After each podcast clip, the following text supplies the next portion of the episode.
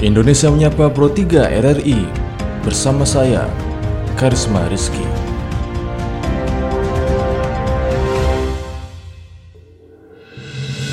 Dari Medan Merdeka Barat 45 Jakarta, inilah Radio Republik Indonesia dengan Warta Berita bersama saya, Karisma Rizky. Sari Berita. Peserta program Jaminan Kesehatan Nasional Kartu Indonesia Sehat JKN KIS dapat menyampaikan keluhannya kepada petugas BPJS yang ditempatkan di rumah sakit-rumah sakit mitra seluruh Indonesia.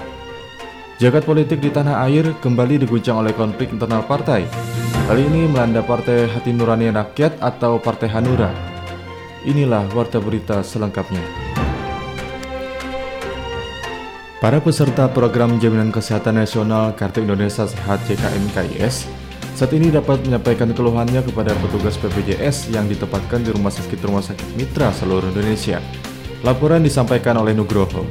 Keluhan hingga kebutuhan akan kejelasan informasi tentang layanan atau penjaminan bagi para peserta program Jaminan Kesehatan Nasional Kartu Indonesia Sehat JKN KIS kini dapat dilayani di seluruh rumah sakit mitra BPJS melalui petugas BPJS 1 yang ditempatkan di lokasi tersebut. BPJS 1 yang merupakan singkatan dari BPJS Kesehatan siap membantu, menurut Direktur Utama BPJS Kesehatan Fahmi Idris, merupakan upaya BPJS Kesehatan meningkatkan fungsi penanganan pengaduan peserta rumah sakit P3RS yang sudah dilakukan BPJS Kesehatan sebelumnya bagi peserta yang kesulitan menggunakan atau tidak memiliki layanan daring. Penjelasan Fahmi tersebut disampaikannya kepada wartawan saat melakukan cek langsung layanan BPJS 1 di Rumah Sakit Jantung Harapan Kita, Jakarta. Di rumah sakit-rumah sakit seperti jantung hebat kita ini menempatkan satu orang yang namanya dulu P3RS, petugas pengadaan peserta di rumah sakit. Kami ingin penguatan fungsi, kan masyarakat selalu ngomong ini iuran naik, gimana sih kualitas layanan? Nah, kualitas itu bukannya layanan medik ya, layanan administrasi dan lain-lain. Nah, beliau ini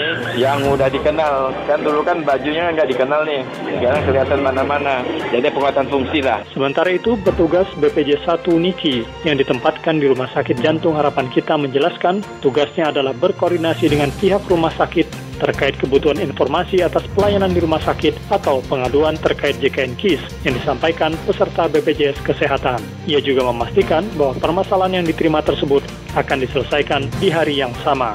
Biasanya permasalahan itu lebih banyak ke kepesertaan. Misalnya peserta sudah tidak bayar berapa bulan kemudian datang berobat. Nah itu kan pasti memang uh, akan berefek ke terhambatnya pelayanan dan memang uh, mungkin karena ini juga ya belum uh, sadarnya peserta untuk melakukan pembayaran iuran secara teratur sehingga ketika dia berobat harus kepesertaan, harus kepesertaan tidak aktif dan tidak bisa digunakan. Nah itu yang beberapa menjadi masalah sebenarnya.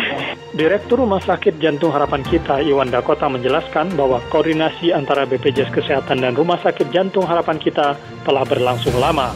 Ada yang namanya semacam samsat untuk klaim verifikasi. Itu yang pertama kali kita coba untuk mempermudah dan mempercepat klaim. Sekarang kita dengan menggunakan menggunakan elektronik klaim justru akan membuat sesuatu lebih mudah, membuat lebih nyaman peserta. Para petugas BPJ 1 mengenakan rompi khusus berwarna kuning keoranyaan, bertuliskan BPJ 1 di bagian punggung. Selain itu, untuk mempermudah mobilitas, para petugas BPJ 1 di rumah sakit kelas A dan B juga dibekali alat transportasi berupa sepeda berstiker khusus. Nugroho RRI Pro 3 Jagat politik di tanah air kembali diguncang oleh konflik internal partai. Konflik itu melibatkan elit Partai Hanura Wiranto dan Osman Sabta Odang atau OSO yang saling berebut pengaruh di partai yang dibentuk pada tahun 2006. Lalu bagaimanakah nasib Partai Hanura dan bagaimanakah seharusnya para elit itu menyelesaikan konflik internal partainya? Berikut laporan Magdalena Krisnawati. Laporan khusus. Laporan khusus.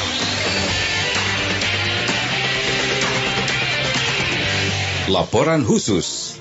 Di penghujung tahun 2019, konflik internal di tubuh Partai Hanura kembali memanas. Konflik yang mulai menajam pasca pemilu itu melibatkan elit partai antara kubu Wiranto sebagai salah satu pendiri partai yang kemudian menjadi Dewan Pembina dan Osman Sabta Odang atau yang akrab dipanggil Oso yang terpilih kembali sebagai Ketua Umum Partai Hanura periode tahun 2019-2024 dalam Munas 3 Hanura belum lama ini. Perseteruan antara kedua elit partai tersebut ditandai dengan mundurnya Wiranto sebagai ketua Dewan Pembina Partai. Selain merasa tak dianggap lagi karena tidak diundang ke Munas Partai, Wiranto memilih untuk fokus pada tugasnya yang baru sebagai ketua Dewan Pertimbangan Presiden. Tugasnya sangat kompleks ya, tidak ringan tidak mungkin saya nyambi dengan tugas-tugas lain. Maka saya dengan ini menyatakan mengundurkan diri dari jabatan Ketua Dewan Pembina Partai Hanura. Jangan diputar-putar. Wiranto dipecat, ada itu nanti. Mengkhianati partai, terpaksa dipecat. Jangan. Saya tidak pernah berkonflik ya dengan struktur partai karena saya ketua dewan pembina. Saya pendiri partai. Saya yang punya gagasan tentang partai Hanura dari awal. Saya berjuang untuk partai 10 tahun sehingga partainya eksis dalam kancah politik nasional. Nah bagaimana mungkin munas saya sudah diundang? Saya tidak dihormati sebagai pendiri partai. Namun di sisi lain Wiranto meminta Oso mundur dari jabatan ketua umum partai karena Oso dianggap sudah menyalahi fakta integritas yang ditandatanganinya sendiri pada Munaslup tahun 2016. Sementara dari sisi Oso tidak mengakui Wiranto sebagai ketua Dewan Pembina Partai Hanura dengan alasan jabatan itu tidak ada dalam susunan keorganisasian partai. Waktu saya belum menjadi ketua, Dewan Pembina itu di Solo itu sudah tidak ada. Nah kita meneruskan hasil dan Munas Solo itu. Dan waktu itu Pak Wiranto yang menjadi ketua umum. Saya juga terkejut mundurnya dari mana gitu. Kalau mundur itu kan kalau ada di tempat. Tapi kalau umpamanya tempatnya nggak ada dia mundur kan saya juga nggak ngerti. Alih-alih duduk bersama menyelesaikan konflik, Kubu Wiranto menyatakan akan menggelar musyawarah nasional luar biasa atau Munaslup karena menilai hasil Munasiga Partai Hanura yang menunjuk Oso sebagai ketua umum partai tidak sah. Mencermati perkembangan konflik di tubuh Partai Hanura, pengamat politik Ari Junaidi mengatakan Munaslup tidak akan menyelesaikan persoalan dan hanya akan menambah panas konflik yang terjadi yang seharusnya dilakukan kata Ari para elit politik Partai Hanura segera duduk bersama untuk menyelesaikan persoalan yang sedang terjadi. Karena itu akan menentukan nasib Partai Hanura ke depan apakah akan terus eksis atau hanya akan menjadi partai yang tinggal kenangan. Solusi yang dapat dilakukan lanjut Ari dengan mencari tokoh baru bisa dari kalangan muda untuk memberikan suasana segar bagi Partai Hanura mengatasi persoalan yang terjadi di Hanura ketika kubu Oso dan kubu Wiranto tidak menemukan titik tengah, menurut saya sebaiknya dipilih orang ketiga. Jadi lepas dari kedua sosok ini, harusnya Hanura mencari sosok baru untuk menakodai Hanura jilid baru. Oleh karena itu, Hanura harus mempunyai sikap yang tegas gitu ya. Semua kader, semua pengurus, bahkan yang berkonflik pun sekalipun, sebaiknya mau dibawa ke mana Hanura? Kalau terlalu-terlalu terus dengan konflik antar elit, maka Hanura akan ditinggalkan oleh kader-kadernya. Dan ini terlihat di daerah-daerah ya. Ini banyak kader-kader Hanura loncat ke partai lain. Karena dia merasa bahwa tidak ada kepengurusan pusat yang jelas konflik internal partai yang didominasi oleh konflik antar elit partai bukan barang baru di Indonesia. Jabatan-jabatan strategis partai masih menjadi pemicu utama konflik internal partai politik. Pengamat politik Ari Junaidi mengatakan kondisi itu tidak lepas dari sejarah berdirinya partai yang bersangkutan. Apakah dibentuk oleh semangat akar rumput atau semangat para politisinya? Menurut Ari, sebuah partai akan bertahan karena kekuatan ideologinya dan mendapat dukungan dari kalangan akar rumput. Magdalena Krisnawati, Pro 3 RRI. Sekian Warta Berita, Produksi Radio Republik Indonesia. Pendengar, berikut kami hadirkan komentar RRI menyoroti konflik yang ada di Partai Hanura, disusun dan disampaikan redaktur senior RRI Widi Kurniawan. Editorial Pro 3 Selamat pagi. Kata orang bijak, siapa menebar angin, ia akan menuai badai. Pepatah tersebut layak diberatkan kepada pendiri Partai Hanura, Jenderal TNI Purnawirawan Wiranto. Dalam pengakuannya belum lama ini di Jakarta, Wiranto menyebut dirinya lah yang mengupayakan Osman Sabtaodang menjadi ketua umum Hanura menggantikan dirinya. Belakangan, Wiranto mengakui bahwa penunjukan Osman Sabtaodang adalah satu kesalahan dirinya terhadap Partai Hanura. Kini bahkan Wiranto tidak lagi menjadi bagian mainstream dalam kepengurusan Partai Hanura di bawah kepemimpinan Osman Sabta Odang. Akhir nasib pendiri Partai Hanura yang tersingkir dari partai yang didirikannya sendiri. Tentu saja banyak orang prihatin atas konflik internal Partai Hanura. Akan tetapi faktanya konflik itu memang terjadi. Sesungguhnya beliau melihat apa yang ada di dalam Partai Hanura itu murni kepentingan orang-orang di dalam partai itu sendiri. Akan tetapi dalam perspektif yang lebih luas sangat merugikan bagi kehidupan politik di tanah air. Mungkin bisa jadi daripada berkonflik dan menampakkan berbagai keburukan di hadapan publik, maka lebih baik pihak yang berseberangan mendirikan partai baru. Nanti tinggal dibuktikan partai mana yang mampu meraih simpati rakyat. Seperti misalnya Wiranto yang berasal dari Partai Golkar karena berseberangan pandangan lalu mendirikan Partai Hanura. Itu lebih elegan.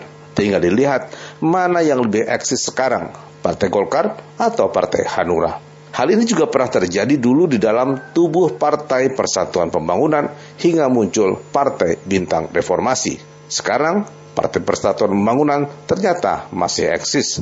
Maknanya, banyak pihak berharap partai politik adalah turut menghasilkan kader kepemimpinan nasional serta juga kebijakan nasional yang karena itu partai politik tidak boleh memunculkan konflik di dalamnya sehingga para pemimpin partai tidak perlu menimbulkan kegaduhan di dalam internal mereka. Partai Hanura diharapkan mampu menyelesaikan masalahnya dan antara pihak Wiranto maupun Osman Sabtaodang tidak mempertontonkan aib masing-masing melalui media massa. Kedewasaan seseorang dalam berpolitik akan ditunjukkan dengan kemampuan menutup aib saudaranya sendiri di muka publik. Demikian komentar, selamat pagi.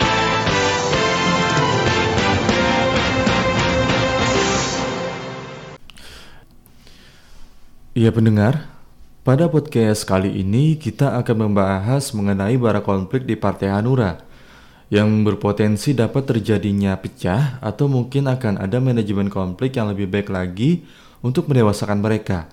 Dan sejauh ini Munas sudah dilakukan oleh Partai Hanura. Membahas hal tersebut, berikut pendengar ulasan kami bersama Ketua DPP Partai Hanura, Inas Nasrullah Zubir, berikut ini.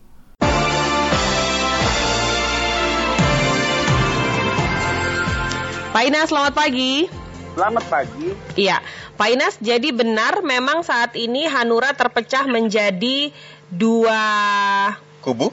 Kubu atau dua pimpinan begitu atau seperti apa jadinya yang masyarakat pertanyakan? Tidak ada. Mm-hmm. Tidak ada Hanura terpecah-pecah, tetapi pada tahun 2018 yang lalu iya ada upaya makar yang dilakukan orang-orang tertentu, kader-kader tertentu, para petualang partai, para petualang politik untuk mengambil alih Partai Hanura dengan cara-cara inkonstitusional, tapi mereka gagal. Siapa gitu. itu petualangnya, Pak Inas?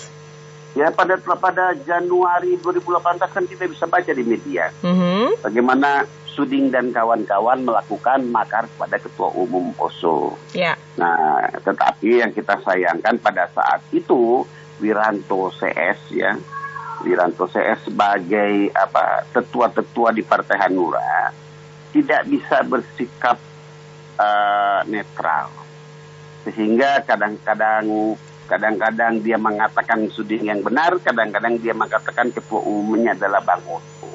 Hmm. Nah di situlah kita melihat ambigunya Wiranto sebagai yang sebagai ketua Dewan Pembina yang namanya dicantumkan di dalam uh, SK Kemenkumham Partai Hanura yang berlaku pada saat itu. Saya katakan hanya namanya ya, karena pada pada intinya sebenarnya ketua Dewan Pembina itu di dalam ADART Partai Hanura itu tidak ada kewenangannya tidak ada, nama namanya juga tidak bunyi ketua dewan pembina. Hanura hanya mengenal ketua umum jabatan tertinggi di partai. Tapi karena kita menghargai Wiranto sebagai uh, pendiri partai, maka kita tempatkan namanya di dalam SK sebagai ketua dewan pembina. Sebagai penghargaan, sebagai simbol partai Hanura. Baik. Kemudian sayangnya hmm. lagi Wiranto ya, terlalu besar sahwat kekuasaannya. Kita lihat saja bagaimana perjalanan-perjalanan Partai Hanura ketika Partai Hanura mendapatkan dua kursi menteri, yaitu yang uh, Menteri Pan RB dan Menteri Perindustrian. Kemudian diganti begitu saja oleh Wiranto dengan tukar oleh Wiranto dengan jabatan Menko Polhukam. Ketika dia dia uh, raih kekuasaan sebagai Menko Polhukam, lalu dia tinggalkan Hanura dan dia serahkan kepada Bang Oso. Dari sana pun kita sudah bisa lihat dia sebenarnya tidak tidak peduli dengan Hanura. Baik. Wiranto itu hanya menjadikan Hanura kendaraan untuk meraih kekuasaan saja. Baik, tapi kalau masyarakat melihat sebenarnya partai politik ini adalah sebenarnya tempat uh, orang untuk uh, belajar berorganisasi, kemudian untuk bisa melahirkan pemimpin-pemimpin yang baik. Ketika ada konflik, saya tidak akan menyebut partai apa saja yang sebelumnya pernah uh, berkonflik juga begitu ya. Ini kan peran elit uh, politik, peran elit partai ini begitu besar. Tapi kalau yang kita lihat terjadi di Hanura ini adalah saat ini uh, adanya mungkin bisa dibilang kubu Ambara, kubu Manhattan begitu ya, uh Pak Inas. Nah, yeah. ini kan akhirnya membuat masyarakat jadi bertanya-tanya, siapa pun yang memimpin, apalagi saat ini adalah Pak Oso begitu ya di di, dalam situ ada Pak Oso yang yang uh, tertulis sebagai sebagai ketua partai. Nah harusnya tataran pemimpin sama pemimpin apakah sudah melakukan uh, pertemuan antara Pak Oso dengan Pak Wiranto? Ya bagi begini itulah yang saya sayangkan dengan sikap Wiranto yang tidak negarawan. Gitu kan? Maksudnya? Artinya ya. tidak mau ditemui atau bagaimana? Dia dia meminta Bang Oso mundur dari Partai Hanura hanya dengan alasan surat yang katanya ditandatangan Bang Oso. Padahal pada saat itu, pada saat dia sedang nafsu nafsunya menjadi Menko Polhukam dan ingin meninggalkan Hanura, dia meminta Bang Oso berkali-kali untuk memimpin Partai Hanura dan ditolak sama Bang Oso sebenarnya. Tapi lama-lama karena karena datang berkali datang berkali-kali akhirnya Bang Oso mau menerima lah dan dengan catatan begitu ya saya akan terima ini untuk eh, sementara Anda sebagai Menko Polkam. Tapi kan dalam perjalanannya tidak elok kalau Wiranto membiarkan anak buahnya uh, melakukan makar sama Bang Oso. Baru satu tahun sudah dimakar. Kan hal yang sangat tidak elok. Tentu Bang Oso akhirnya marah. Kalau begini caranya, ini partai saya tidak akan lepas lagi pada Anda, kata Bang Oso kepada Pak Wiranto. Hmm. Kemudian Tapi kan masyarakat melihatnya ini uh, apa pun masalah di dalamnya adalah bagaimana penyelesaiannya hingga saat ini prosesnya kemudian ada uh, munaslup Jadi, begitu. Ya begini. Jadi sebenarnya setelah setelah kejadian uh, apa makar pada Januari 2018 ya Partai Hanura itu kan yang kubu Wiranto itu tercerai berai.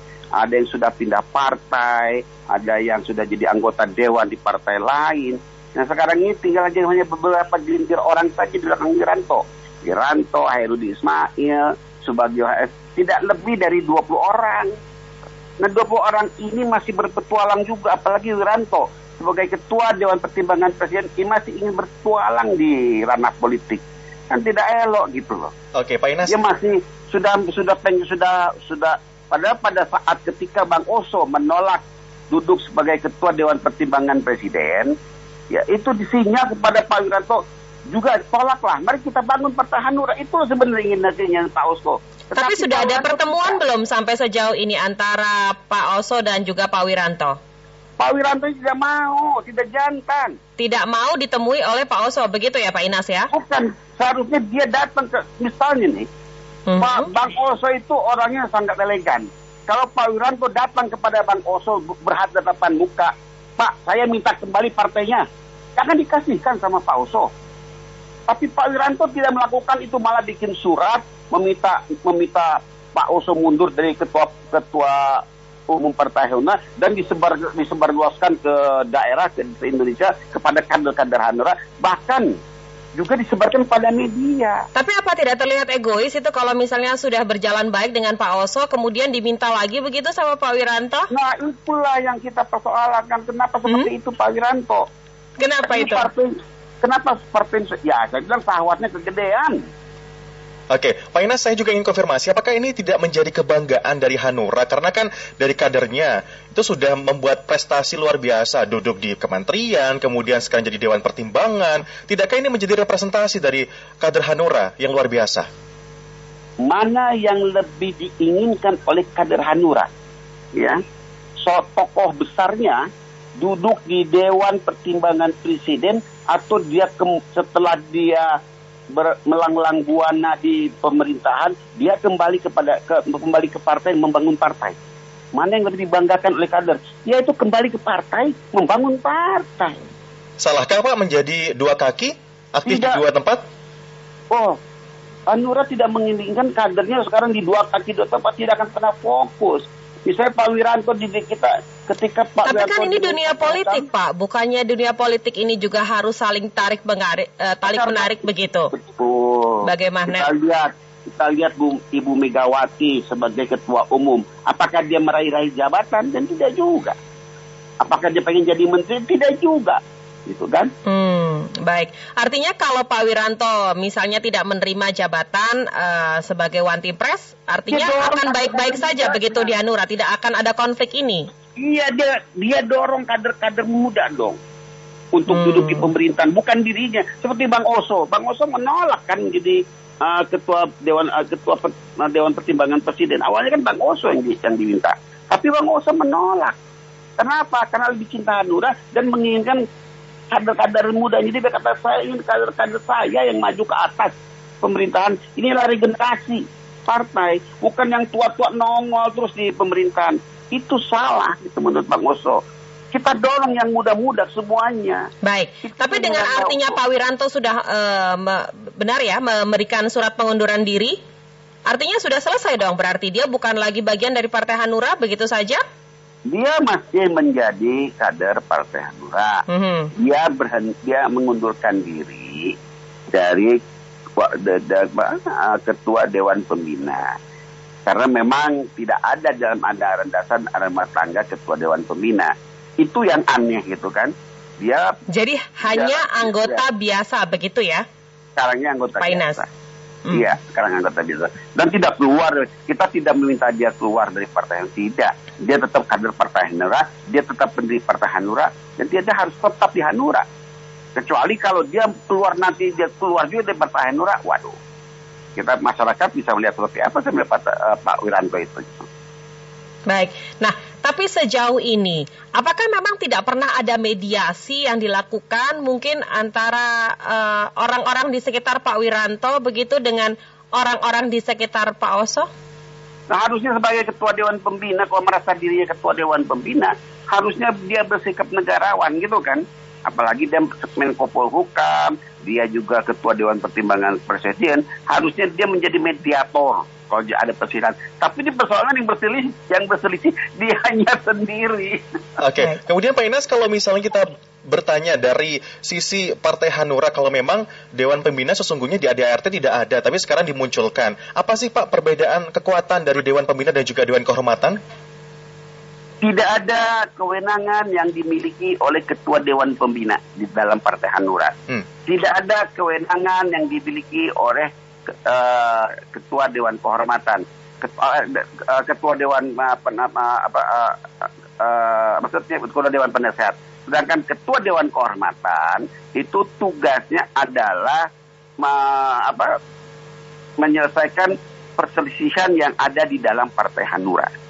Nah, padahal ketua dewan ketua dewan kehormatan kita Bapak Marwan Faris kan sekarang ketua dewannya bukan bukan Hairudin Ismail jangan salah, tapi Bapak Marwan Bapak Bapak Marwan Faris pensiunan jenderal polisi itu ketua dewan kehormatan pernah juga mengundang Pak Wiranto untuk bisa bertemu Bang Oso tapi tidak mau Pak Wiranto. Mhm. Baik, Pak Inas, kalau kita lihat kemarin proses Munas Hanura hingga akhirnya terpilih eh, Pak Oso menjadi ketua umum ini melalui proses eh, seperti apa? Aklamasi ya?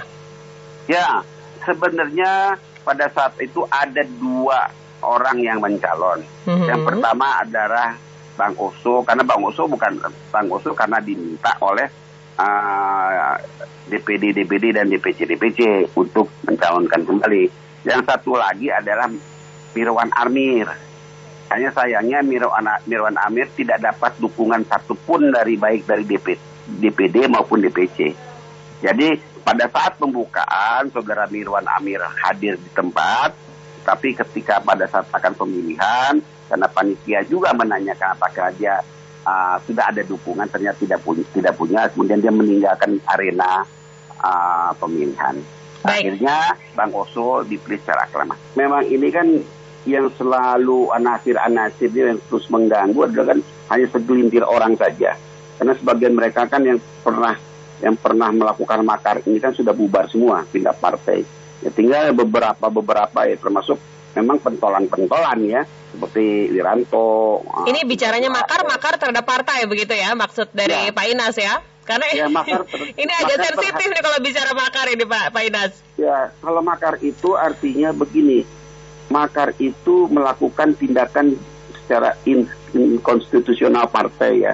Misalnya di dalam anda, anggaran dasar anggaran rumah tangga Partai Hanura, Munaslup itu diselenggarakan sudah, sudah ada mekanismenya. Baik. Tapi mereka melakukan Munaslup di luar mekanisme itu kita sebut makar, gitu loh.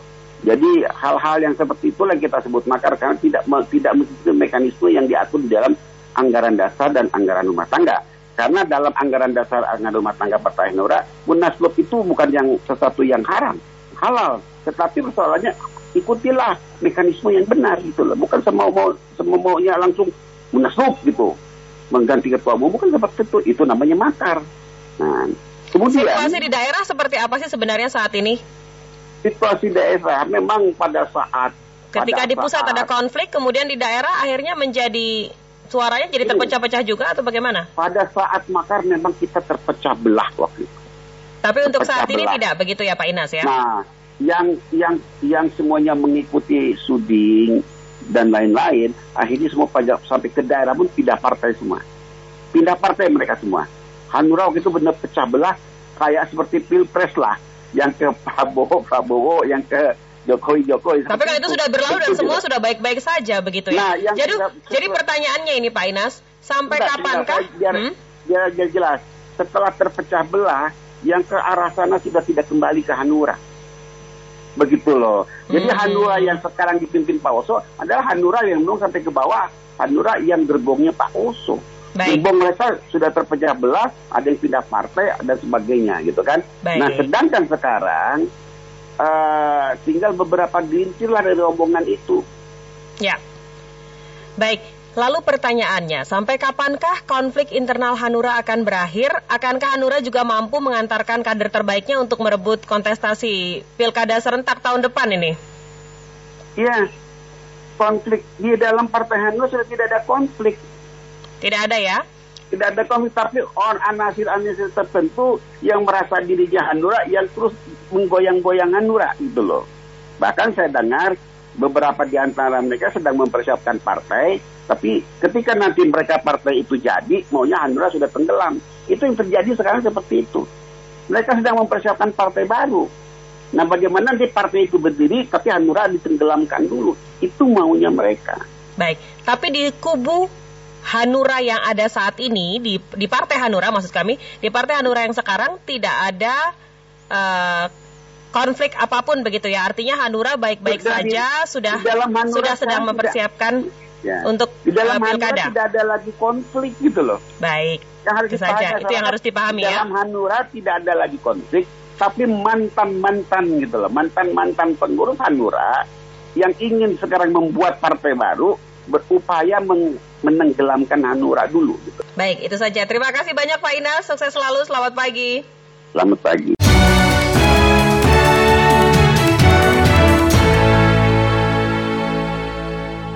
Pendengar, informasi tadi sekaligus mengakhiri perjumpaan kita pada podcast hari ini. Untuk Indonesia Menyapa Pro 3 RRI, Produksi Radio Republik Indonesia. Saya Karisma Rizky undur diri, sampai jumpa, salam.